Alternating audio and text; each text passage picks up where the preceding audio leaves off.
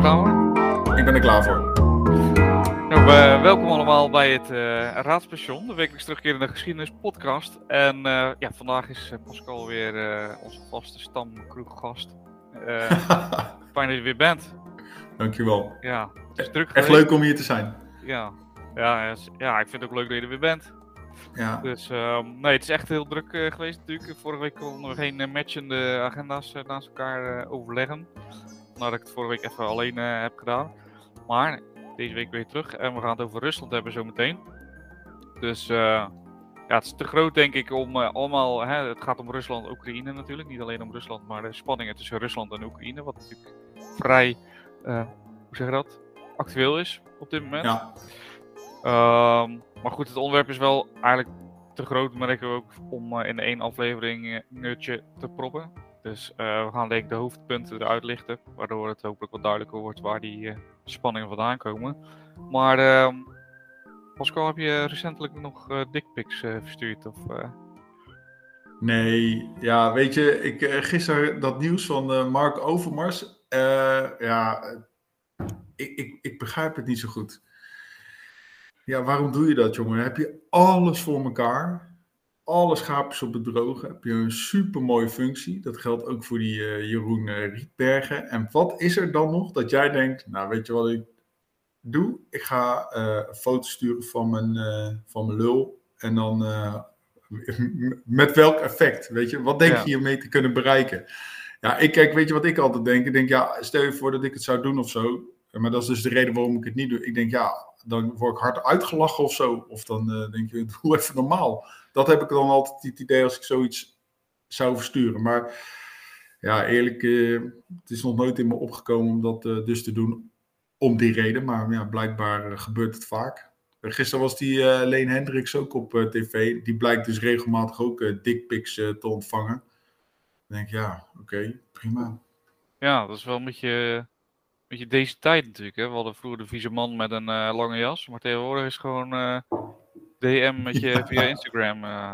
Ja, weet je, ik vond wel... Mijn dochter die was een jaar of 13 denk ik. Toen kreeg ze ook dickpics gewoon toegestuurd via Snapchat. Ik denk, ja, wat, wat, wat bezielt je als puber mannetje om je piemel te sturen? Ja, kijk, Snapchat ja. is in dat opzicht natuurlijk veilig. Want het verwijdert zichzelf de foto. Dus je kan het niet opslaan. Maar het is ah, natuurlijk wel een beetje bijzonder. Uh, ik, ik vind het een bijzonder, uh, ja, hoe zeg je dat, fenomeen. Bijzonder fenomeen. Ja, ja, ja ik weet niet. Is, zijn dat hormonen of zo? Heb je dan te veel testosteron? Denk je, ja. Maar ja, vroeger was het de man met de lange regenjas uh, in het parkje die, ja. die dat deed. Ja. ja. nu doen we het steeds digitaal. Ik begreep wel dat het verboden gaat worden, hè? Dat je, oh ja, maar dat, dat was toch al verboden? Of... Ja, Nee, het wordt echt, uh, echt zeg maar, dickpics uh, versturen. Dat wordt echt ook strafbaar. Oh, ja, weet je, ja, dat op zich denk ik wel een uh, goede zaak. Ja. Maar ik denk dat er op voorhand, dus ook, er moet ook preventief, moet daar gewoon is meer over gesproken worden. Weet je, het gaat ook over een stukje bewustwording. Kijk, ik snap best wel, kijk, stel je voor dat je iemand leuk vindt, dat je denkt dat je dit moet doen. Maar dat je van tevoren wel even te raden gaat over het feit van, oké, ik ga dit doen wat voor effect heeft dit op die ander? Weet je, wat wil ik hiermee bereiken? Ik bedoel, eh, daar zou ik best wel eens met uh, nou ja, jongeren in gesprek uh, kunnen gaan. Oké, van oké, ik doe dit. en wat denk je dan? Ja, wil je chockeren? Ja, dan uh, oké, maar welk effect heeft dat op de lange termijn? Ja, toch helemaal niks. Ja, ja nou, net als op Mark Overmars. Ja, die kan nu zijn spulletjes pakken. Ja, die heeft wel, die, die heeft wel een probleem. Die kan denk ik ook niet meer bij andere clubs terecht. Nou, als ze slim zijn, die andere clubs. Nee, ja, weet je, en dan denk je, ja, dit waait wel over. Ja, dit waait natuurlijk niet over, jongen. Je hebt nu zo'n smetje achter je naam. Ja, je kan gewoon wel stoppen. Dus ik hoop dat hij inderdaad uh, genoeg geld heeft om te kunnen, om, om, om, zeg maar van zijn pensioen te kunnen genieten. Want ja, ik zou ook niemand meer onder ogen durven komen, joh. Je bent nee, echt, uh, je bent de talk of the town, joh. Iedereen heeft het erover dat uh, Mark Overmars dickpics stuurt. Ja. Waarom? Ongelooflijk. Waarom? ja, als we dat toch uh, wisten. Maar ja, dat weet ze zelf ook niet, denk ik. Nee, maar... En je nog ja. afvragen dan ook van, ja, ik, ik wist eigenlijk niet dat het grensoverschrijdend gedrag was. Ik denk echt, serieus? Nou ja, wat is Als je dus... van je piemel stuurt, dan weet je toch dat dat in ieder geval...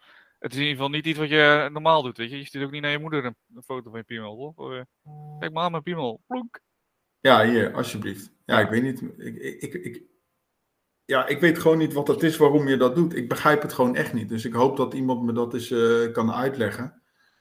Maar eh, ja, dat het in ieder geval heel veel schade eh, aanricht, dat is een ding wat zeker is. En misschien was het ook altijd wel, weet je wel, ja, misschien is het ook wel een beetje het opzoeken van, van de grens. De lekker, we, gaan iets, we, we, we gaan iets spannends doen. We gaan iets, ja, dit is wel echt heel lachen hoor. Gniffel, gniffel. Ja, en dan ben je, en ik kom er wel mee weg. Dat is het idee misschien. Ja, en nou kom je er niet meer mee weg, want nu ben je gewoon eh, de Sjaak. Ja, echt jongen. Hoe word jij 's ochtends wakker, joh? Zo. Ja, hoe moet je het vertellen tegen je vrouw? Kinderen?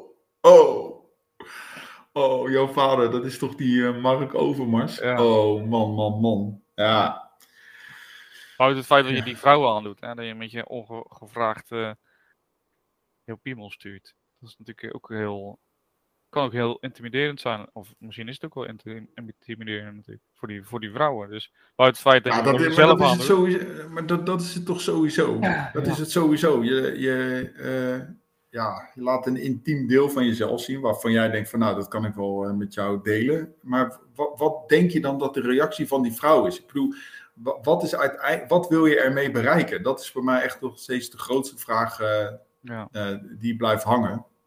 Wat wil je hier nou eigenlijk mee? ja, het is toch Nou. gewoon misschien spanning of zo. Net zoals eh, dat, eh hoe heet die? Man van Duitse Cruise ook gewoon vreemd is gegaan. Weet je wel? Dan denk je, heb je Duitse Cruise in je bed liggen en dan ga je toch eh, met een andere vrouw liggen. Ketsen.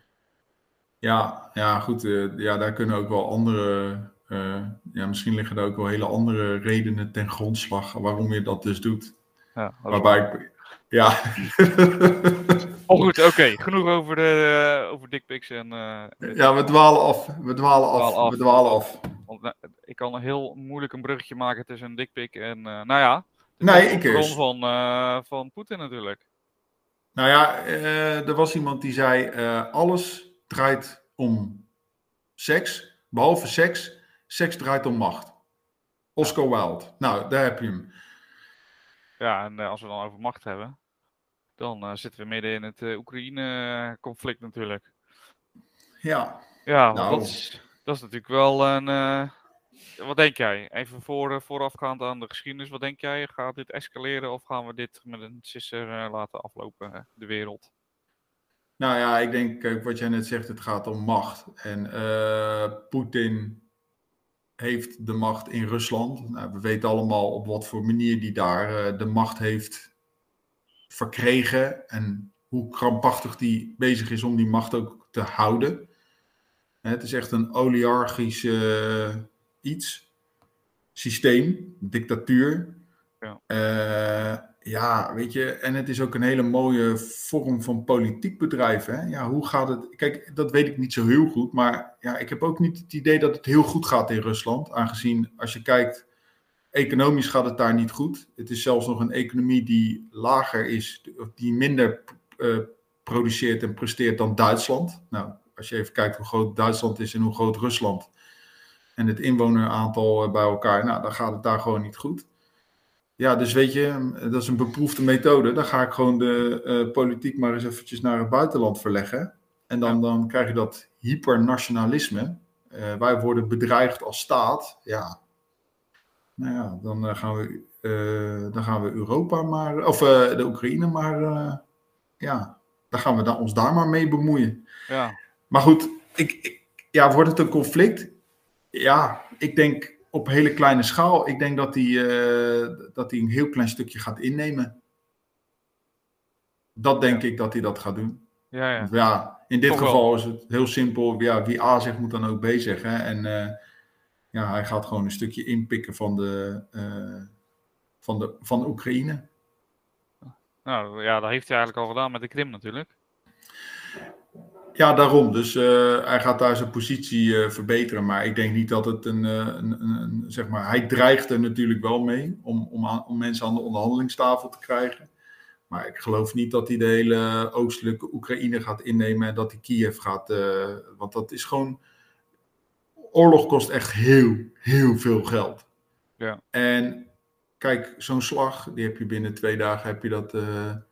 binnen- zo'n slag heb je binnen een paar dagen. Want ik bedoel, ik denk dat hij echt wel met de middelen die hij heeft... eh, zo, dan overrompelt hij de Oekraïne.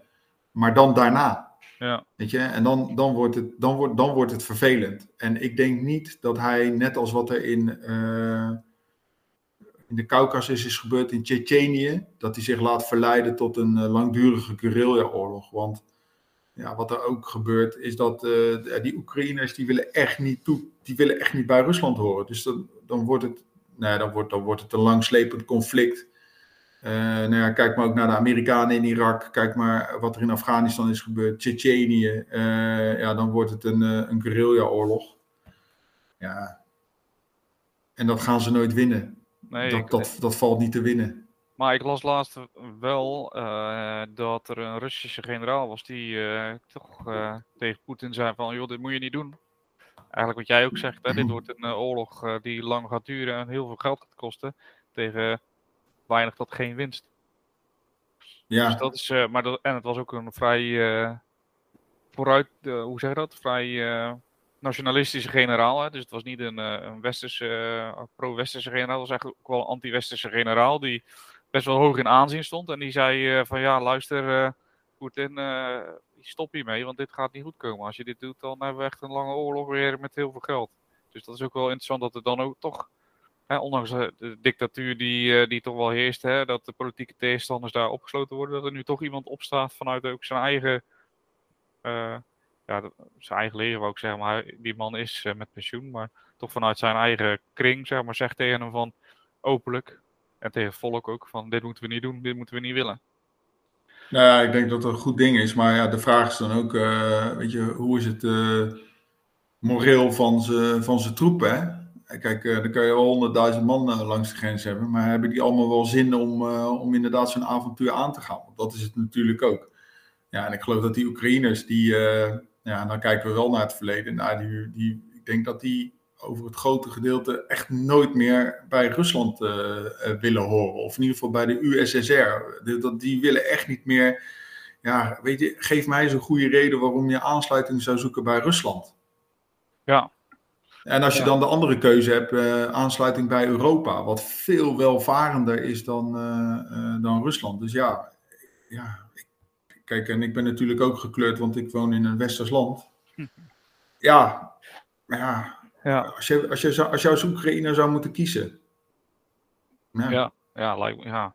ja, lijkt me ook, eh, dat is natuurlijk ook wat daar min of meer wel gebeurd is eh, eh, in 2014 toen er natuurlijk een pro-westerse regering eh, aan de macht kwam. En, Ja. maar goed, als we even kijken naar, het, naar Oekraïne en de Krim, zeg maar, dat is best wel eh, een interessant stukje geschiedenis. Want als we echt heel ver terug gaan, dan zien we ook dat er resten zijn gevonden van Neandertalen. Hè? Dus eh, er is ook al eh, vroege bewoningen van het gebied door de, door de vroege prehistorische mens. Ehm, maar goed, dan gaan we misschien iets te ver terug. Dus laten we kijken. Het begint zo rond eh, 1768. Dat, op een ja, want dan, dat, wordt het eh, wel, dan moeten we er wel zes afleveringen aan wijden. ja, precies. Ja, dan wordt het heel, dan wordt het heel lang, ja. Ehm, maar als we even gaan naar 1768, dan zien we dat het Ottomaanse Rijk, die, eh, ja, daar valt een heel groot deel van eh, Oekraïne dan onder. En ook inderdaad de Krim. En we zien dat Rusland dan, dan al probeert om die Krim bijvoorbeeld te annexeren. Ehm, dat lukte in eerste instantie ook. Eh, totdat in 1917 eh, de islamitische Tartaren daar ja, eigenlijk min of meer de, de, de baas worden.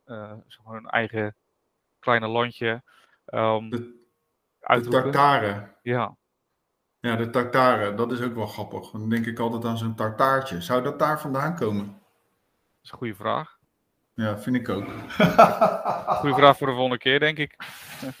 Ehm, maar we zien dus dat die, dat die, die Tartaren, die, eh, die, ja, die, de revolutie in Rusland 1917, dan valt dat eh, toch een beetje uit elkaar. En dan zien we dat die eh, islamitische Tartaren, dat die eh, daar de Krim overnemen. Nou, in 1918 vallen de Bolsjewieken weer terug eh, de Krim binnen en die nemen dat weer over. En in 1922 is natuurlijk de, de burgeroorlog in Rusland is afgelopen. Eh, Ja. Met eh, uiteraard eh, de Bolsjewieken als eh, grote winnaar. En die uh, lijven eigenlijk het hele stuk in bij de Sovjet-Unie. Oké. Maar zo, die Oekraïners roepen toch ook nog een keer onafhankelijkheid uit in 1918. Die zeggen van, uh, nou, vind het wel prima.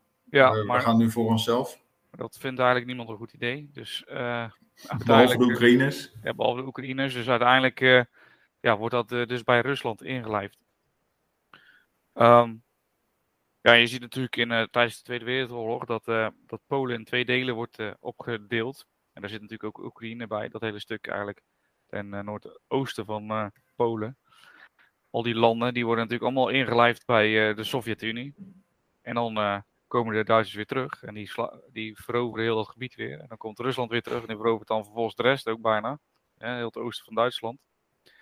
Uh, ja, en dan zien we eigenlijk dat in, in, in die Sovjet-Unie, dat um, op een gegeven moment als Stalin natuurlijk overlijdt, dan komt uh, Khrushchev aan de macht in 1954. Ja. En die is geboren in in uh, Oekraïne. En die geeft de, de Krim eigenlijk terug aan Oekraïne als een soort cadeautje voor zijn geboorteland. En dat blijkt natuurlijk in, uh, uh, ja, in 1995 blijkt dat wel een probleem te zijn op het moment dat natuurlijk die Sovjet-Unie in elkaar stort. Ah. En, dat, en, dat, heeft natuurlijk te maken met hè, de Zwarte Zeevloot, die, de Russische Zwarte Zeevloot die in Sebastopol zich huisvest. En uh, de stranden van Jalta, die natuurlijk een economisch uh, interessant stukje zijn. Sorry, even mijn uh, keel schrapen. Um, dus je ziet dat, ja, dat Rusland er eigenlijk niet zo blij mee is dat, dat die Khrushchev, de opvolger van, Leden, van Stalin, eigenlijk dat, die Krim terug heeft gegeven aan Oekraïne. En, ja. maar ze sluiten in ieder geval nog een vriendschapsverdrag af die duurt van 1995 tot 2045. En in dat vriendschapsverdrag staat eigenlijk dat in ieder geval Rusland die Zwarte Zeevloot nog kwijt mag in Sebastopol. Dus dat ze die basis mogen blijven gebruiken. En dat gaat eigenlijk goed uh, zolang er natuurlijk een pro-Russische regering aan de macht is. En dat verandert dus in 2014, wanneer er een pro-Westerse regering aan de macht komt. En daarmee beginnen eigenlijk de eerste, ja, de eerste barsjes. Ja, barsjes in de relatie Oekraïne-Rusland te ontstaan. En uh, zeker uh, op het moment dat natuurlijk op 27 februari 2014, ik denk dat we het allemaal nog wel weten, de Krim wordt geannexeerd door, door Rusland. Um, ja, sindsdien is het gewoon compleet, ja, ik zou bijna een staat van oorlog willen zeggen. Nou, dat is het. Ja. En um, Poetin die doet dan nog een referendum houden op de Krim. Van uh, willen jullie bij uh, Rusland horen of willen jullie bij, uh, terug naar Oekraïne? Nou ja, de uitslag mag duidelijk zijn natuurlijk. Dus ja, dat is natuurlijk niet democratisch gegaan uiteindelijk. Dus uit het referendum komt dat ze bij Rusland willen horen. En Poetin is helemaal overjoyed en blij. En zegt: Jullie zijn het beste volk ter wereld dat jullie bij Rusland willen horen. Jullie zijn van harte welkom. Ook mijn militairen waren er al, dat is toevallig. En uh, ja, hoppakee. Precies, dus uh, ja, en eigenlijk zie je dat er sindsdien dus, ja, ja gewoon echt wel uh, best wel conflicten zijn ook tussen Oekraïne en Rusland. Ook militaire schepen die elkaar dan weg proberen te duwen of aanvaren of bepaalde doorvaar, hoe zeggen dat, scheepvaartwegen die geblokkeerd worden met, met schepen. Ja. Ja, en nu staan er dus 100.000 man op de grens met, met Oekraïne. Ja. Van de, aan de Russische kant. Ja, dat is, de, dat is wel een dreigende situatie. Maar uh, ja, van wie is nu eigenlijk de Krim? Ja. Hij is nu van uh, Rusland natuurlijk. Tenminste, in die zin, Rusland heeft het geclaimd. Uh, ja. Ik weet niet of, het al, of het internationaal erkend is. Volgens mij niet namelijk. Nee, je ziet ook elke keer op de kaartjes dat daar, ja, er staan nog allemaal streepjes. Dus het is, volgens mij is dat nog betwist gebied. Ja. Ja, volgens mij zijn er ooit eens een keer van die grensafspraken gemaakt. Maar ja, ja, er was ook uh, de, een afspraak dat, uh, dat, Rusland nooit Oekraïne zou invallen, omdat zij uh, ook al die kernwapens hebben teruggegeven aan Rusland. Want opeens was in 1991 Oekraïne ja, een nieuwe staat. Met kernwapens. En toen hebben ze afgesproken om die kernwapens weer terug te geven met de afspraak dat Rusland nooit de Oekraïne zou binnenvallen. Maar ja, goed, uh, je kan op andere manieren kan je ook binnenvallen door, door bijvoorbeeld separatisten uh, op te leiden. En, uh, want ze hebben nu ook een stukje van de Donbass hebben ze te pakken. Ja, jongens, ja, we kunnen er wel makkelijk over praten, maar het is echt een schijnende situatie. Want uh, als je dan ook weer die persoonlijke verhalen uh, leest van mensen die zich dan moeten aanmelden bij dat separatistenleger. Het leger heeft ook een geheime dienst. Nou, het is best knap hoor, dat je dus uh, een separatistenleger opzet zonder hulp van buitenaf. En dat je ook een geheime dienst organiseert en een ministerie. Weet je, je zet alles gewoon op om een landje te creëren.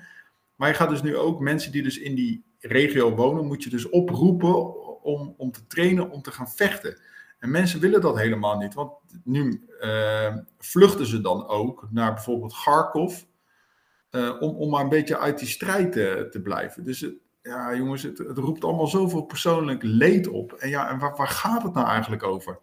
Want als je dan ook kijkt naar Poetin, dat is ook best wel een, een, een, een ja, hij bepaalt natuurlijk alles wat er gebeurt. Maar als je een beetje gaat in, in zijn belevingswereld duikt, voor zover dat mogelijk is, ja, dan, uh, dan is hij, hij was geheim agent in Oost-Duitsland. En hij ziet dus de uiteen, uiteenvallen van de uh, Sovjet-republieken, of van de Sovjet-Unie, ziet hij als de grootste tragedie uit zijn eigen leven. Hè? De grootste tragedie uit de 20e eeuw, maar ook voor zichzelf persoonlijk. Want daardoor kwam er een einde aan zijn carrière als KGB-spion. En uh, hij was daar ook betrokken bij moordaanslagen, dus hij was best wel een, een, een mannetje daar. Trainer van de geheime Oost-Duitse politie. Uh, het Westen vierde de, de ineenstorting van, van de Sovjet. En hij, hij, moest, hij werd op een gegeven moment taxichauffeur. Dus ook weer, als, als we het aan het begin van het verhaal hebben over macht en over teleurstelling, dan zit er bij hem, denk ik persoonlijk, ook een hele grote teleurstelling dat hem dat is overkomen. En ik, ja, nou ja, ik, de, vergelijking met Hitler ook natuurlijk. Hè, als, je, als mensen ergens worden afgewezen of mensen mogen ergens niet doen, dan, dan laat dat zo verschrikkelijk litteken over. Ik ben geen psycholoog natuurlijk, maar als je dat dan weer leest, dan denk je, ja, daar, daar zit gewoon zo'n. Uh, daar zit gewoon iets wat maakt dat hij dat nog steeds vindt van, ja, al die voormalige Sovjet-republieken, die horen gewoon bij Rusland. En die horen bij mij. Of ze nou willen of niet, ja, dat, dat hebben ze helemaal niet eens te vinden. Het is nou eenmaal zo. Ja, dat is natuurlijk ook, uh, ook wel een beetje aanleiding uh, tot uh, het conflict dat Oekraïne natuurlijk eigenlijk bij de NAVO wil gaan horen. En dat Poetin zegt, ja, dat wil ik niet. er waren sowieso afspraken over natuurlijk dat eigenlijk de landen grenzend aan Rusland niet bij de NAVO mochten. Nou, de, ja landen bovenin. Uh, wat is dat? Let Letland, Litouwen, uh, Wit-Rusland. Ik weet niet of Wit-Rusland trouwens bij de NAVO hoort. Maar... Nee, nee, zeker niet. Dat, maar... Wit-Rusland is van uh, Lukashenko, dus dat is, oh, ja, natuurlijk, dat, is de, ja. dat is de marionet van, ja, van Poetin. Puppet state. Dus in ieder geval die Letland, Litouwen, die landen die, die grenzen wel aan, aan Rusland, maar die zitten ondertussen wel bij de NAVO. En ook Oekraïne denkt daar dan over. En dan ja, dat is natuurlijk ook een trigger voor, uh, voor Poetin. Dat hij denkt, ja, nu eh, gaat mijn invloed verdwijnt. Eigenlijk is het een beetje koude oorlog denken. Als we, als we het natuurlijk even analyseren. Het koude oorlog waarbij het Westen natuurlijk zoveel mogelijk invloed op de wereld wil uitoefenen. En Rusland, of de Sovjet-Unie, ook zoveel mogelijk invloed op de wereld wil uitoefenen. En dan zie je dus ook terugkomen in, in diverse conflicten maar dan in, het, in Azië. Dus uh, Vietnam natuurlijk, waarbij de Amerikanen eigenlijk het communistische uh, ja, noorden eigenlijk min of meer uh, als, als bedreiging zien. Of niet min of meer, maar gewoon als bedreiging zien voor het vrije Westen. En denken van ja, als, als Zuid-Vietnam valt, dan valt de rest van Azië ook in een communistisch, in communistisch beleid. En ja, dat willen ze natuurlijk niet. Hè. Ze zoeken natuurlijk een afzetmarkt. Dat is ook weer koloniaal denken. Hij zoekt natuurlijk de afzetmarkt en uh, zoveel mogelijk invloed. Nou, je ziet dat uh, Rusland en de Sovjet-Unie dat natuurlijk in uh, Afghanistan eigenlijk min of meer meemaken. Afghanistan is hun Vietnam eigenlijk. En eigenlijk is dat, dat koude oorlog denken ook een beetje wat, wat naar mijn idee nu Poetin ook aan het doen is. En die denkt, ja, Oekraïne is nu pro-westers en dat is weer een gebied waarover ik geen, geen invloed hebt. Nee, maar dan is het misschien ook handig om een keer eh, de zaak in je eigen land een keer op orde te krijgen. Nu ga ik heel mooi. Uh, maar dan denk ik, weet je, probeer dan Rusland. Het is nu nog steeds, als je in orde van grootte gaat praten, is dit het grootste land van de wereld. Ga het daar een keer even voor elkaar krijgen. Zorg dat, dat dan zou je toch in potentie ook uh, de grootste economie moeten kunnen bewerkstelligen als je zo, een land dat zo verschrikkelijk groot is, dat moet toch wel beschikken over van allerlei, allerlei grondstoffen. Dat, dan moet je toch een keer, dan moet je dat dus op poten gaan zetten. Nee, wat ga je doen? Je bent bang omdat uh, de. Ik bedoel, kom op. Zijn er serieus voortekenen? Ik doe even een oproep naar uh, Poetin. Zijn er nu echt serieus voortekenen dat de NATO Rusland wil aanvallen? Dat gaan ze niet doen. Waarom zouden ze dat doen? Maar ik kijk, als je het vanuit hun standpunt bekijkt, ja, in 1949 is de NATO opgericht. Omdat ze bang waren voor, voor de Sovjet-Unie. Dus dat was wel een redelijke bedreiging. Maar ja, weet je, nu is het, ja, wie, wie bedreigt wie nou? Maar ik geloof echt niet uh, dat, uh, dat, dat de NATO denkt, nou weet je wat we doen? We pakken Oekraïne pakken we er even bij en we, gaan dan, we maken ons steeds sterker en dan gaan we, maar, uh, dan gaan we Rusland maar aanvallen. Dat, nou, ja, is het een soort self-fulfilling prophecy of zo eigenlijk? Dus dat uh, doordat Poetin zich steeds agressiever opstelt omdat hij bang is dat, uh, dat hij binnengevallen wordt, dat hij uiteindelijk een tegenstander creëert. In plaats van het de-escaleert, zeg maar. Ja, het, kijk, ik denk dat het voor uh, Rusland heel fijn is om een tegenstander te hebben. Het is sowieso in de politiek altijd fijn als je een tegenstander kan creëren. Want een tegenstander hebben zorgt ook voor intern A, leid je alles af van de interne problematiek en je kan mensen mobiliseren met elkaar. Zij zijn de vijand, zij zijn de slechterikken, zij doen allerlei uh, vervelende dingen. Dus wij moeten samen ten strijde trekken tegen de NATO en het westerse kapitalisme. Ja, nou ja, ja oké, okay, prima. Uh, maar uiteindelijk, als jij in de Oekraïne zit, ja, dan heb je daar allemaal niet zoveel aan. Want uiteindelijk ja, heb je gewoon altijd, je, je ja, je, je, zit in een woonwijk en je, jij, jij slaapt naar de boze buurman. Ja. ja. Uh, ja, ook hier is de vraag, wat wil je nou eigenlijk? Ja. Maar goed, dat, dat, is, dat, dat is politiek, diplomatisch, eh, vind ik het allemaal... Uh, ja, weet je, ik kan me niet zo goed voorstellen. Wat is er nou mis, mis mee als de Oekraïne een pro-Europese koers gaat varen? Waarom zou dat nadelig zijn voor de Russen? Ja, dat weet ik niet. Ik, ik weet het echt niet. Nee. nee, ja, ik ook niet. Het is moeilijk te, moeilijk in te schatten ook, hè? omdat we daar natuurlijk niet in zitten. En die, uh, gelukkig maar, in die politieke wereld. Maar uh, ja, misschien dat Poetin uh, toch bang is dat hij, ja, ik weet niet, waar, waar zou hij bang voor zijn?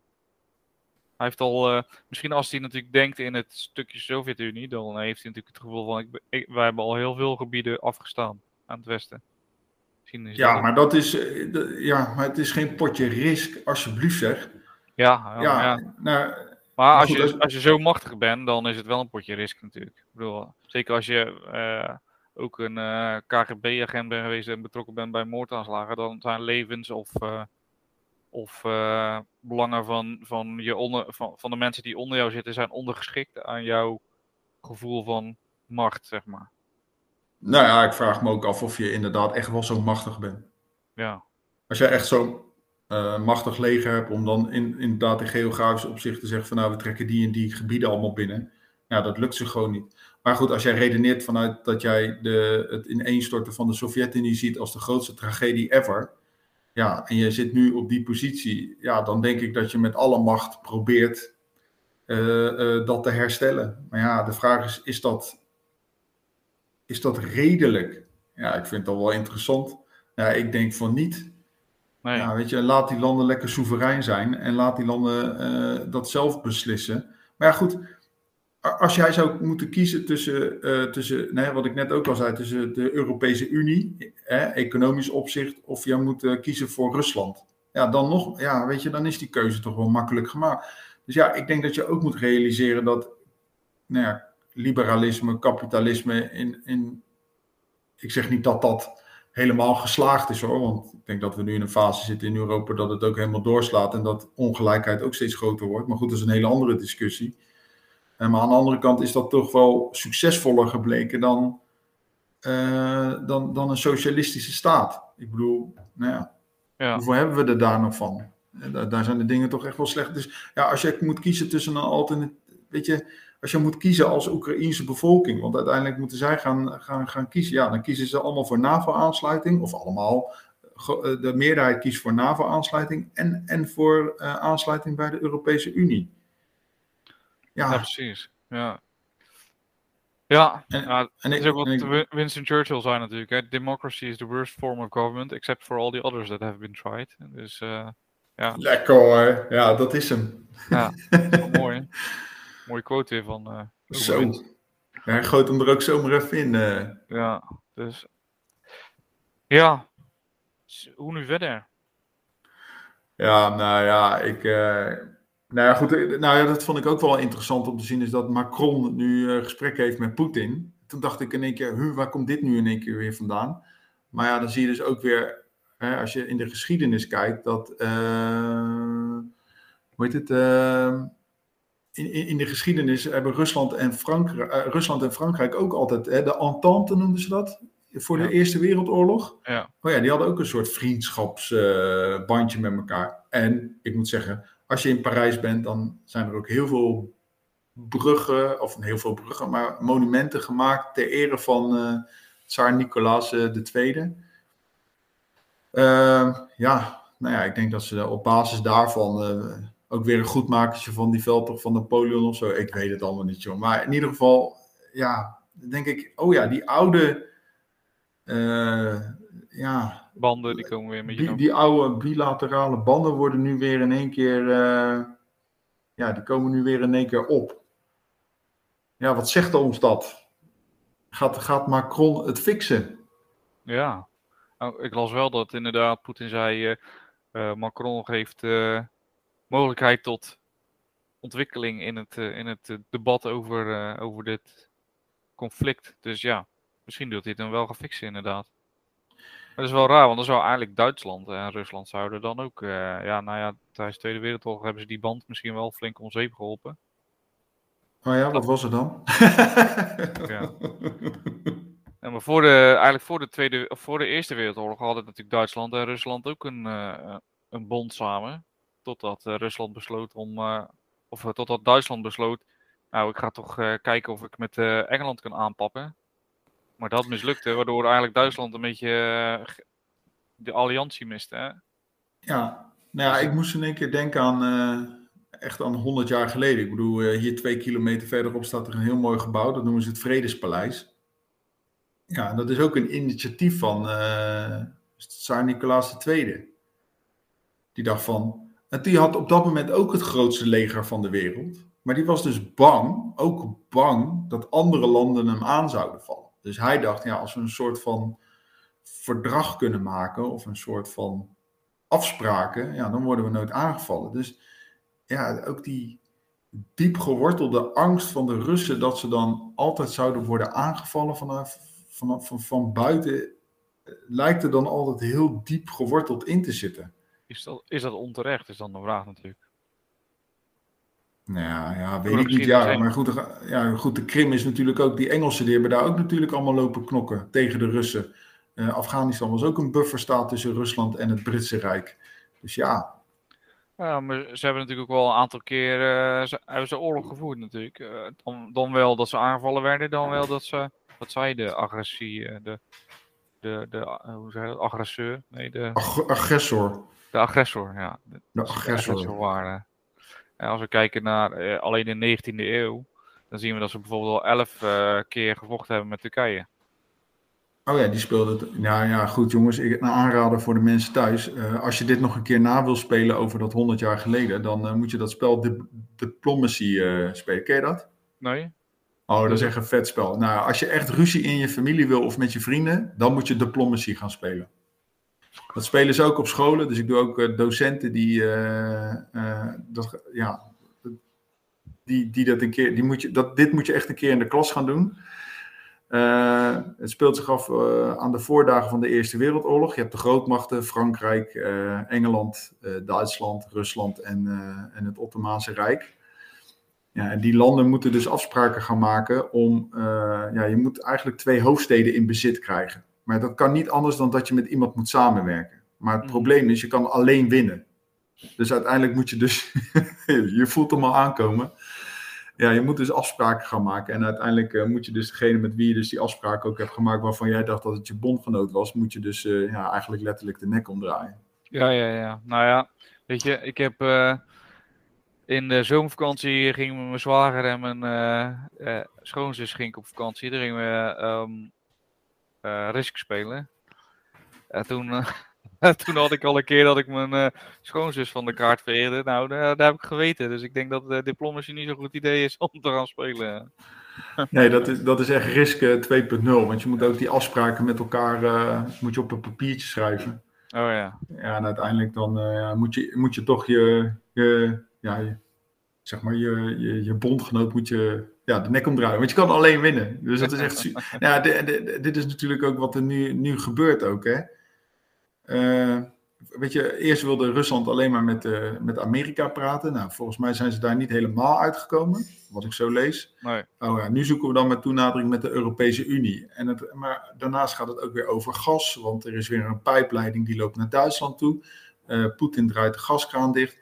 Ja, jongens, ik, kijk, ik denk dat het in de zin ook gewoon gaat van, joh, Rusland wil er ook gewoon toe doen. Ja. Rusland wil ook belangrijk zijn. Ja. En ook als een volwaardige partner eh, in weet ik veel wat dingen meedoen. Maar ja, wij zeggen dan weer vanuit ons Westen, ja, weet je, eh, het is een dictatuur en met, weet je, niet te vertrouwen, bla bla.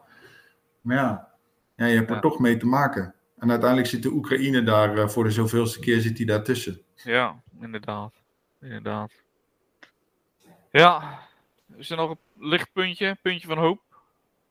Ja, ik denk die onderhandelingen met Frankrijk en Rusland, dat dat wel. eh, Kijk, ik denk dat het uiteindelijk gewoon gaat.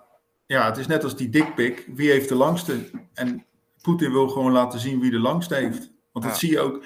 Ik vind het ook mooi om te zien. Hè? Je ziet dan dat die Macron komt dan bij Rusland op bezoek. Poetin zit al. En Macron moet dan eh, naar die tafel toe lopen. Nou, die tafel is echt super lang. Dus dat impliceert ook hè, afstand en macht en, en, en gedoe. Ja, dat, dat zijn allemaal tekenen waarvan ik denk, ja, Poetin wil gewoon laten zien dat hij, hij is de baas, hij bepaalt. En hij bepaalt doordat hij dus eh, 100.000 man langs de kant eh, van de grens heeft. En wij, en wij moeten daarop reageren. Ja. Ja, en dat doen we ook. Ja, en ja, het is makkelijk om langs de zijlijn dit zo allemaal een beetje te beschouwen. Maar ja, ik denk dat dat wel het lichtpuntje is. Er wordt in ieder geval gesproken en dat is ook de bedoeling. Poetin wil gewoon gaan, eh, gaan onderhandelen. Ja. Nou, laten we hopen dat dat, eh, dat, dat goed komt dan.